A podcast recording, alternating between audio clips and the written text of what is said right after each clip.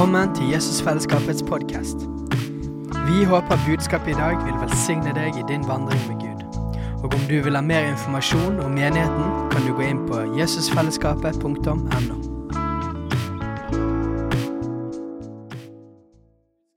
på syv dager med å tale og kalle det ut. Han kunne fint vekket opp denne døde hæren sjøl. Han kunne fint sagt med ett ord 'liv'. Og det vil reise seg opp en stor hær. Men Gud, han ville ha Esekiel med seg. Han bestemte at han ville gjøre det sammen med oss.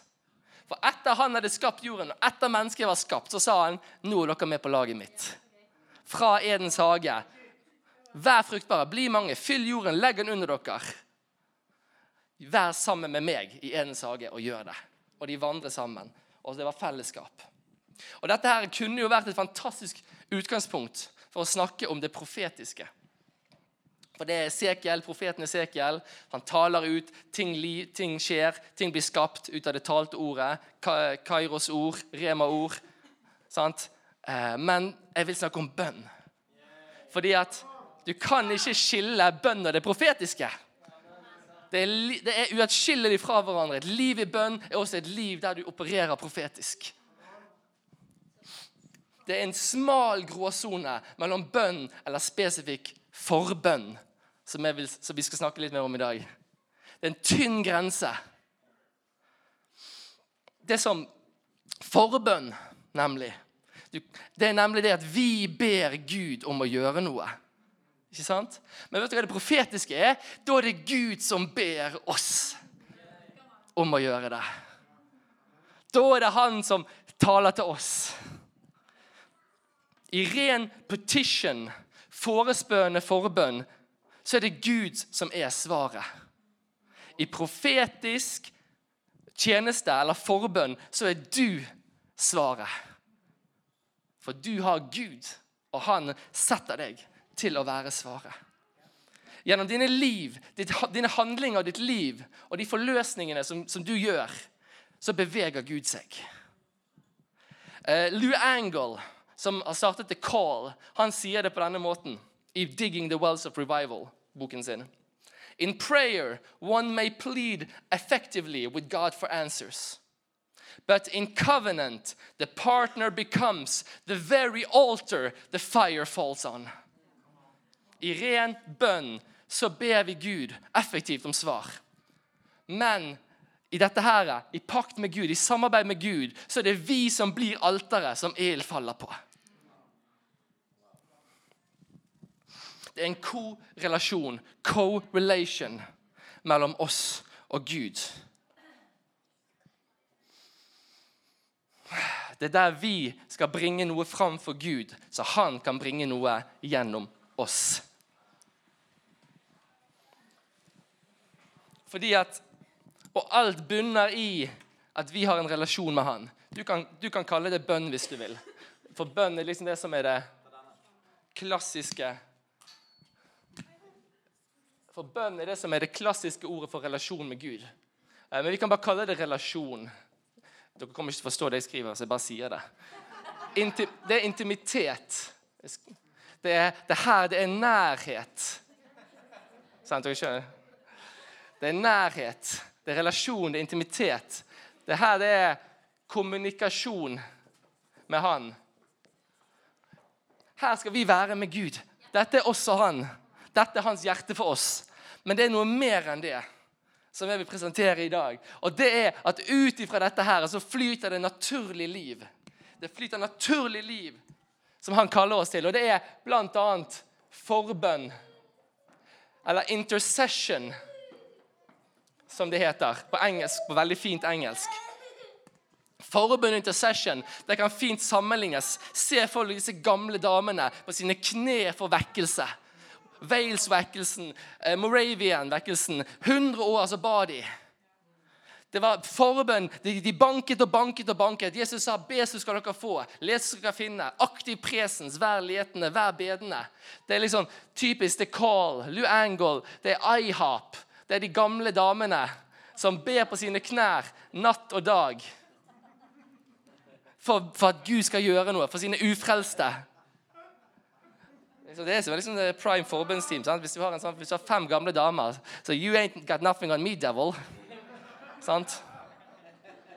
Og Den andre siden, som er direkte relatert, det er det profetiske. Handlinger. Det er, det er forløsning, handlinger. Det er det vi sier og taler ut skal skje. Typisk. Uh, Anna Mendes er en, en, litt ukjent person for oss, men hun har en sånn tjeneste. Uh, John Paul Jackson, sterk i det profetiske. Uh, ikke minst Jim Gall, eller James Gall, alt etter som. Han, han, heter begge deler, visst. De, de gjøre, hva gjør de? Jo, de kan reise rundt. De kan gå til minnesmerker, spesifikke steder. Tale med Gud og så skjer det ting. Og så forløser de spesifikke ting. Og så skjer det noe. Så åpner det seg opp noe. Det er, der, det er ikke nødvendigvis den der de går på kne i fem timer og kjenner ingenting. Men det er den der de gjør en bevisst handling, stikker sverd i jorden og sier Her tilhører Gud. Profetisk handling. Men det som er så fantastisk, er at dette her er den perfekte profetiske forbundstjenesten. Den går i sirkel rundt her. Det er Gud som og, og, vi og Gud, vi og Gud hele tiden, som, ren, som går i en naturlig elv av forbønn. Naturlig elv av det profetiske, og det samhandler med hverandre.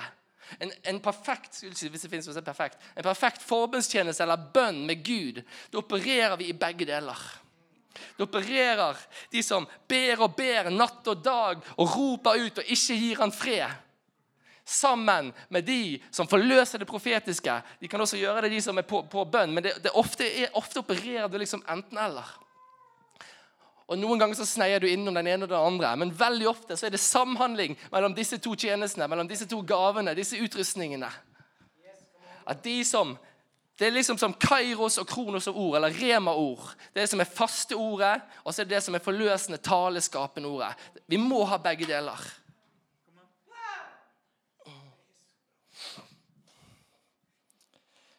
Så dette her, dette brukes til Guds rikes formål. Sammen eller sterkt hver for seg. Så Esekiel Gud oppfordret Esekiel til å profetere over de døde bein, så de skulle komme til live som hele mennesker. Og Dette er bare en av mange eksempler Gud har fungert gjennom, uh, gjennom uh, Bibelen. Noah, Moses, ikke minst Jesus. Hva sa Jesus? Han sa i Johannes 5, 1920 og, og, og, og 5.30 Sannelig, sannelig sier dere, sønnen kan ikke gjøre noe av seg selv, bare det han ser Faderen gjør. Han så på Faderen. Han hadde perfekt relasjon med Faderen. For det han gjør, det gjør sønnen likeså. Du kunne like godt sagt det han ber, det ber jeg likeså. For Faderen elsker Sønnen og viser ham alt det han selv gjør. Igjen, Det er relasjonen, det er kjærligheten, det er nærheten, det er intimiteten som gjør at vi bygger dette her. Og Han skal vise han større gjerninger enn disse for at dere skal undre dere. Jeg kan ikke gjøre noe av meg sjøl, men det jeg hører, dømmer jeg. Og min dom er rettferdig, for jeg søker ikke min vilje, men hans vilje som har sendt meg. Jesus det perfekte forbildet for relasjonen med Gud. Det var Johannes 5, 19, 20 og 30. Han hadde en perfekt eh, korrelasjon med sin far. Han er den modellen vi følger på dette området. Where you go, I go. What you say, I say. God. What you pray, I pray. Eh, sang eh, eh Jen Johnson og eh, Brian Johnson. Eh, fantastiske vers i dette her. Det står også i 2. Korinterbrev 4,18. Vi har ikke det synlige for øyet, men det usynlige. Det usynlige varer bare en kort stund, men det usynlige varer for evig. Når vi går i bønn med Gud, når vi er i relasjon med Gud, når vi søker Han, så, vi, så ser ikke vi foran oss det som er i verden. Vi ser ikke for oss krigen, vi ser ikke for oss sulten og katastrofen. Vi ser ikke først og fremst de ufrelste. Det er de vi ser når vi ber, men det er ikke de som tar vårt fokus. Det som skal ta vårt fokus, er det usynlige. Det står i, også i Kolossene 3, 1-2. Er dere da reist med Kristus, og søk det som er der oppe, der Kristus sitter ved Guds høyre hånd. La deres sinn være vendt mot det som er der oppe, ikke mot det som er på jorden. Han kaller oss til å ha en daglig ongoing relasjon med Han. Hvor vi får søke Han der oppe. Ikke ha vårt fokus på, på, på, på det som er ødeleggende og det som tar livet. Ikke ha, ta fokus og fokusere og la det tynge deg ned. Men ha fokus på Han som vil ta deg med på å fikse problemet. Og hvordan kommer vi dit? For noen så faller det gjerne naturlig. Du har drømmer og syner om natten, og Gud taler, engler og visjoner. og liksom det, lettest, det, er så lett for deg å bare si nå har jeg et sverd, nå skal jeg stikke ned, og så poff, så flyr det 100 demoner. Og andre, andre så er det veldig fjernt.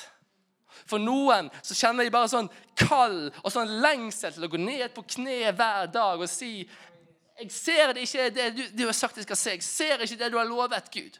Hvor er vekkelsen? Hvor er løftene? Og påminner Gud natt og dag. Akkurat som enken i lignelsen til Jesus. Han sa det. At det var en enke som ville ha sin sak i orden. og Han gikk til denne dommeren.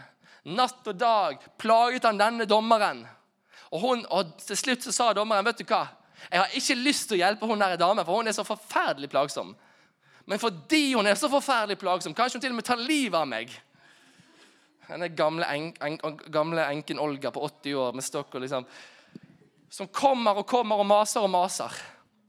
Vil, derfor vil jeg gjøre det. Fordi at hun ikke gir seg. Det er et interessant bilde for så vidt. Den gamle gamle enken har ingenting, har ingen rettigheter. har ingenting whatsoever. Kanskje hun er syk, kanskje hun ikke, kanskje hun ikke har venner, hun har ingen penger. Og så er det en mektig dommer. Mye makt, autoritet. Og Så kommer denne damen og sier vær så snill, vær så snill, vær så snill, vær så snill, vær så snill. Hun kan ikke gjøre noe mot han egentlig. Styrkeforholdet her er helt utrolig. Og allikevel Den mektige dommeren velger å underkaste seg denne her stakkarslige, gamle damen fordi hun er utholden og på. Og vi som mennesker er kanskje ikke så mye i forhold til Gud, men han allikevel velger Yes. Det skal jeg ha med. Jeg vil gi deg det som du ber om og lengter etter. Paulus oppfordrer oss i disse versene i, i 2. Korinterbrev 4 og Kolossene 3 å, å ha vårt fokus på Gud. Lytte til Han. For meg så fungerer det ofte sånn at jeg, jeg er, sånn, jeg er sånn, litt sånn midt imellom disse her. Uh, for jeg, jeg, kan gjerne be lenge over en sak, gjerne, men, men jeg kan ikke be uten at jeg ser det for meg. For meg så er det sånn at jeg visjonerer det, og så ser jeg det, og så er et eller annet sånn der, og så, så taler jeg det ut. Og så sier jeg det i tro at dette her er fra Gud. Og dette er jo selvsagt en vokseprosess. Det er en vekstprosess der du lærer deg å kjenne igjen Guds stemme. Du lærer deg å høre hva som er Guds hjerte. Og det får vi bare i den intime relasjonen som alt er utgangspunkt i. Og jo mer tid vi bruker der, jo mer forstår vi at de bildene eller de ordene eller de tegnene vi opplever, at det er fra Gud. Og hva som eventuelt ikke er fra Gud. Og jo mer vi bruker med Han, sammen med Han, nærhet med Han, jo mer har vi lyst å be. Jo mer utholdenhet får vi, jo mer lengsel får vi. Jo mer kjenner vi liksom akkurat som vårt indre bare utvider seg som en slags bønnekondis. Og bare gi mer, Gud, mer, Gud. Jeg vil ikke gi meg, jeg vil ikke gi meg. Og når vi ber, så tror vi at det skjer. Altså Vi karismatikere vi nå har jeg liksom tegnet opp et sånn typisk bilde av dette med å høre fra Gud og ha nærhet til Gud. og Det svever, og det så, det Han taler til oss, og det er kommunikasjon, og det er levende.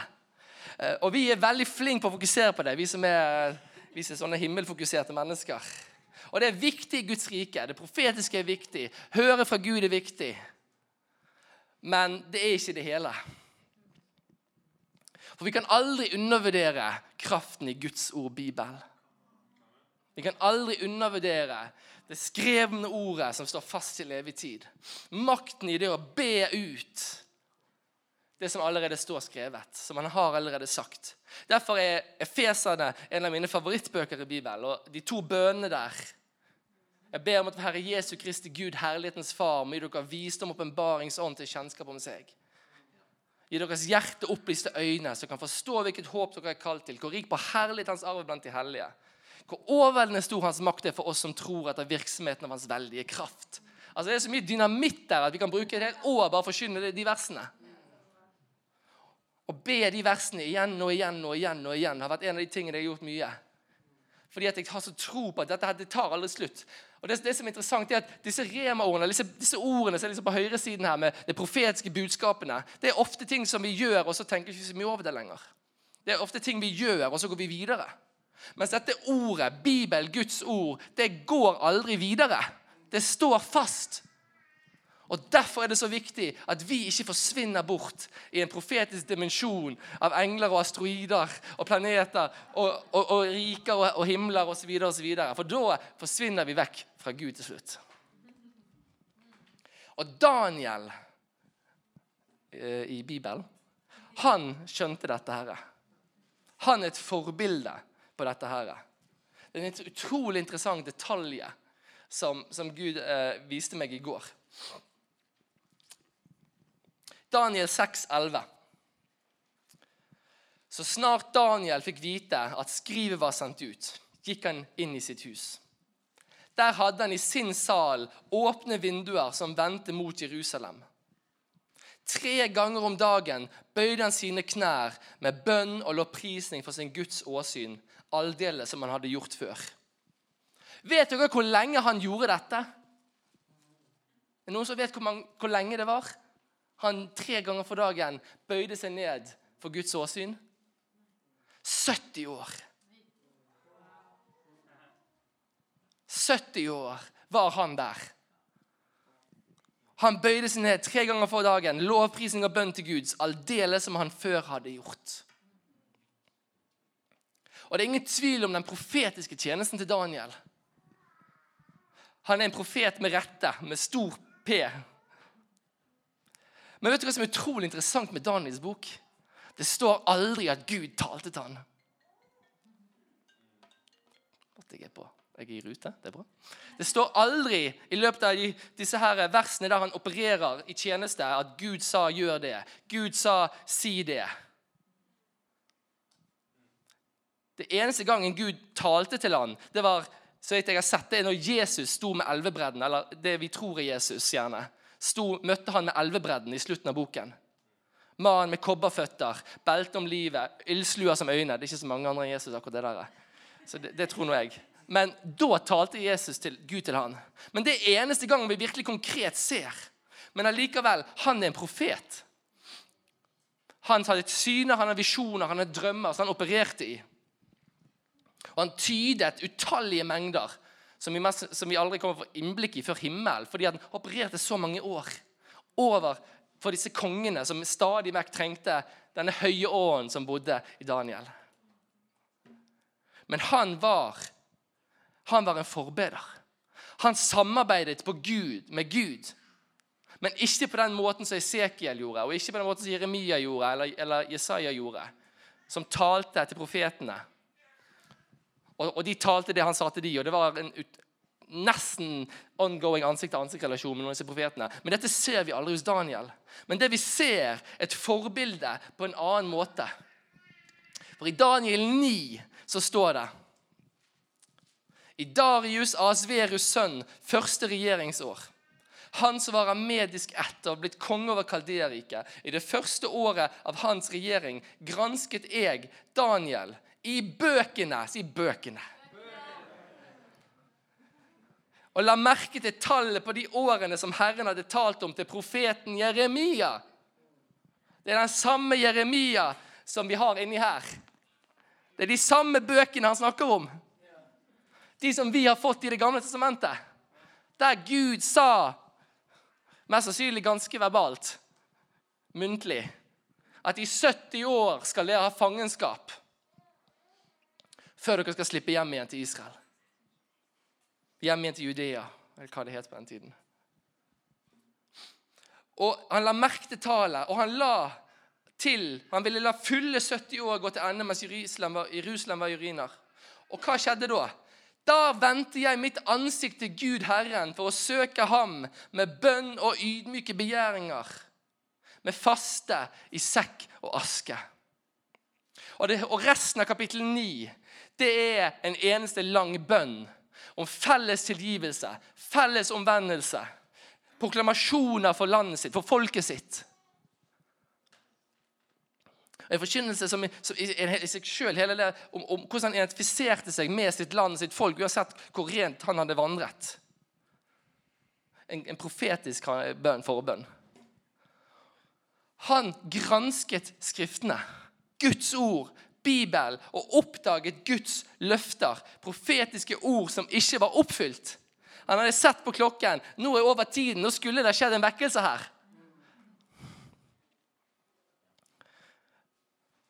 Altså Det han i hvert fall ikke gjorde, var å sitte seg ned. There can be miracles when you believe. Og så bare vente på at de skulle vandre ut av Akkurat som ut av i Egypt. Nei, Han vendte seg, fast, vendte seg til Gud med faste i sekk og aske. For Daniel visste noe om Gud. Han hadde lært å kjenne Gud disse nesten 70 årene med tre ganger om dagen i bønn. Så hvorfor bare Skjedde ikke det? Fordi Det er, en, eh, det er et bra quote eh, som jeg ikke husker hvem som sa. Det var en som sa det at uten Gud så kan ikke vi. Men uten oss så vil ikke Gud. Er det noen som husker hvem som sa det? Kanskje John Wesley, ja. Det er, ikke, det er ikke, dårlig, i hvert fall hvis han sa det. Da er det bra. Og, og dette visste Daniel. Han var en forbeder som et forbilde i det å ta Guds ord og si dette må vi gjøre. Dette må vi få ut. Gud, du har lovet. Det står også i Bibelen om at vi, Bibelen om at vi skal minne Gud om det står i, i en av profetene, at vi skal minne Gud om om Hans ord. Om å bevare Israel, om å bevare Jerusalem. Så Gud ønsker en co-relation med oss. Han ønsker at vi skal søke Han, slik at vi blir kjent med Han, hvem Han er, hans relasjon, hans person, hva, man, hva han har for oss. Og at vi skal ut ifra det søke Hans ord, søke Hans løfter. Hva Han har lovet, hva Han vil se i oss. Altså Det er derfor vi, bare, vi, vi som menighet ikke bare leser Bibelen og tenker hurra, nå skal det. Vi skal se større gjerninger. Yes. Ha det bra. Gå hjem. Det er derfor vi har bønnemøte og ber Gud om større gjerninger. Det er derfor vi har her i tilbedelsen og sier Gud, kom med mer enn Den hellige ånd. Fordi vi, det står skrevet og det skjer når vi ber om det, når vi står på Hans ord, når vi har tillit til Hans ord. Så skjer det. Så han, Gud han kaller først og fremst sønner og døtre. Han kaller først og fremst venner. De som vil elske han. Han søker de som vil ha relasjon på han. Og i denne relasjonen er noen kalt til noe mer enn bare en, en bønn. En intim én-til-én med han. I denne relasjonen er noen kalt til å gå ned på sine knær natt og dag. Er utholdere i bønn, er krigere i bønn, for å påminne Han om sitt ord. For å påminne Han Du lovet at du skulle gjøre større gjerninger gjennom oss. At vi skulle gjøre større gjerninger. Du lovet at Den hellige ånd skulle komme ned. Sønner og døtre skulle tale profetisk. De unge skal få syner. De gamle skal ha drømmer. Du lovet til Gud. Vi vil se det, Gud. Når skal det skje? Når kommer du med Din hellige ånd? Og han ber, han kaller på de som den profetiske ånden beveger seg inn i. De som får syner og drømmer og visjoner. De som lengter etter å se Gud som han er. De som lengter etter å se hvordan han beveger seg, hvordan han rører mennesker. De som lengter å, å være skulle jeg si, hans kirurger på jorden. Åndelige precision. Om det er en profetisk handling, helle olje over, en, over et hus. Og om det er å tale ild over et sted. Altså, profe, altså god profetisk ild, ikke Sodom og Gomorra. Om det er å gå syv ganger rundt byen. Om det er å stå på de syv fjell og, og, og blåse i basunene og forkynne en faste og forløse hans, her, hans herlighet. Eller, eller, du skal, eller du lengter etter å motta hans strategier. At du lengter å være en som, som downloader hans tegninger som Moses fikk for tempelet. En som får hans planer og som kan proklamere det ut og dele det og si at 'dette kjenner jeg at Gud vil'. La oss gjøre det.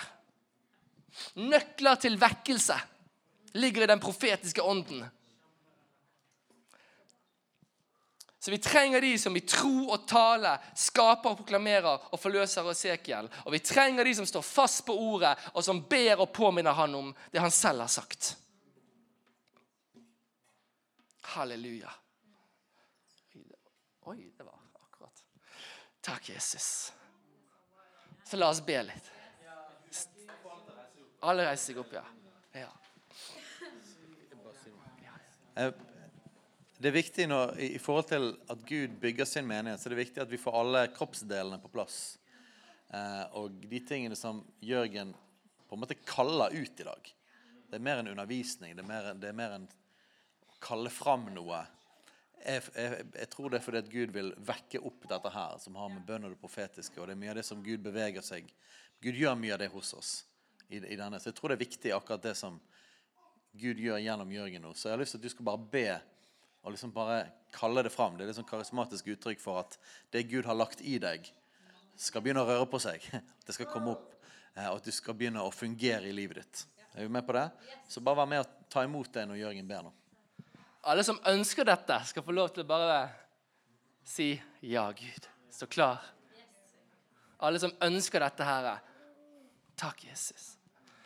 Takk, Jesus. Å, Hellige Ånd, hjelp Jesus. Takk, Jesus. Å, Hellige Ånd, jeg bare ber at du begynner å bevege deg i hver enkelt, Jesus. Hellige Ånd, jeg bare ber at du reiser opp mennesker inn i sitt kall i dag, Herre. Hellige Ånd, jeg ber at du begynner å tale, Herre, til de med den profetiske ånden, Herre. De som du har kalt til å være seere eller profeter, Herre. At du begynner å forløse nye ting inn i dem akkurat nå. At du begynner å gi dem tro og frimodighet til å ta imot visjoner og syner og drømmer. Tro og frimodighet til å bære nøkler for vekkelse. At du gir deg tro og frimodighet til å ta steget ut og gjøre handlinger for deg. Ved at du reiser opp profetiske mennesker Herre, som i renhet, som i hellighet, som i en ny standard, i overgivelse, vil gi seg til deg, Herre. Kom, Hellige Ånd, med en ny profetisk utgytelse her i dag over oss akkurat nå. Så vi reiser opp mennesker som sier ja, jeg vil være med deg. Jeg vil lytte til deg. Jeg vil være sammen med deg, Gud. Og jeg vil gå ut i det profetiske kall. Og vi bare kaller på dere som bare kjenner en nidkjærhet for ordet. Som kjenner en lengsel etter å se Bibel, Guds ord, forløst i dag. Som lengter etter å se tegn og under mirakler som beskrevet i apostels gjerninger. Som lengter etter å se vekkelse, og som kjenner et kall på å gå på dine knær natt og dag. Og vi bare vekker en sånn hunger i dere. I Jesu navn så bare vekker vi en sånn lengsel etter å se mennesker bli frelst. Etter å se byer forandres. Vi vekker en hunger i dere til å se at de som var unådde, blir nådd. At de som var umulige, blir mulig en lengsel og en utholdenhet. Og, en, og, for de som er kalt til det, faste sånn, Herre. At de skal begynne å lengte etter å faste. At de skal rense seg sjøl, sette seg sjøl til side, innrede sitt bønnekammer. Hva kjenner dere når jeg sa det? At Gud utfordrer noen til å innrede sitt bønnekammer de er dere som kjenner dere kaldt til å bare natt og dag eller, eller kveld og morgen, time etter time, på dine knær eller frem og tilbake, whatever, som spør etter han og søker etter han, at dere skal innrede dere et bønnerom, et bønnekammer. At dere som lengter etter å se vekkelse gjennom forbønn. At dere skal innrede et sted som dere setter aside, som dere helliggjør til forbønn, til tjeneste for Gud. Ikke et spillrom, ikke et lekerom, men et bønnerom. Takk, Jesus. Takk, Jesus. Og vi bare ber at du sender den bønns- og nådens ånd over hele Jesusfellesskapet. For det er ikke bare vi som er kalt til å be. Det er ikke bare forbedere og profetiske mennesker som er kalt til å be. Vi er alle kalt til å søke deg, Gud. Så jeg ber om at vi alle, Herre, skal lære oss å gå på kne. Vi skal alle lære oss å lytte til deg, Jesus. Og vi skal kunne vandre tett til deg og være nær til deg, være venner med deg, Jesus. Takk, Herre.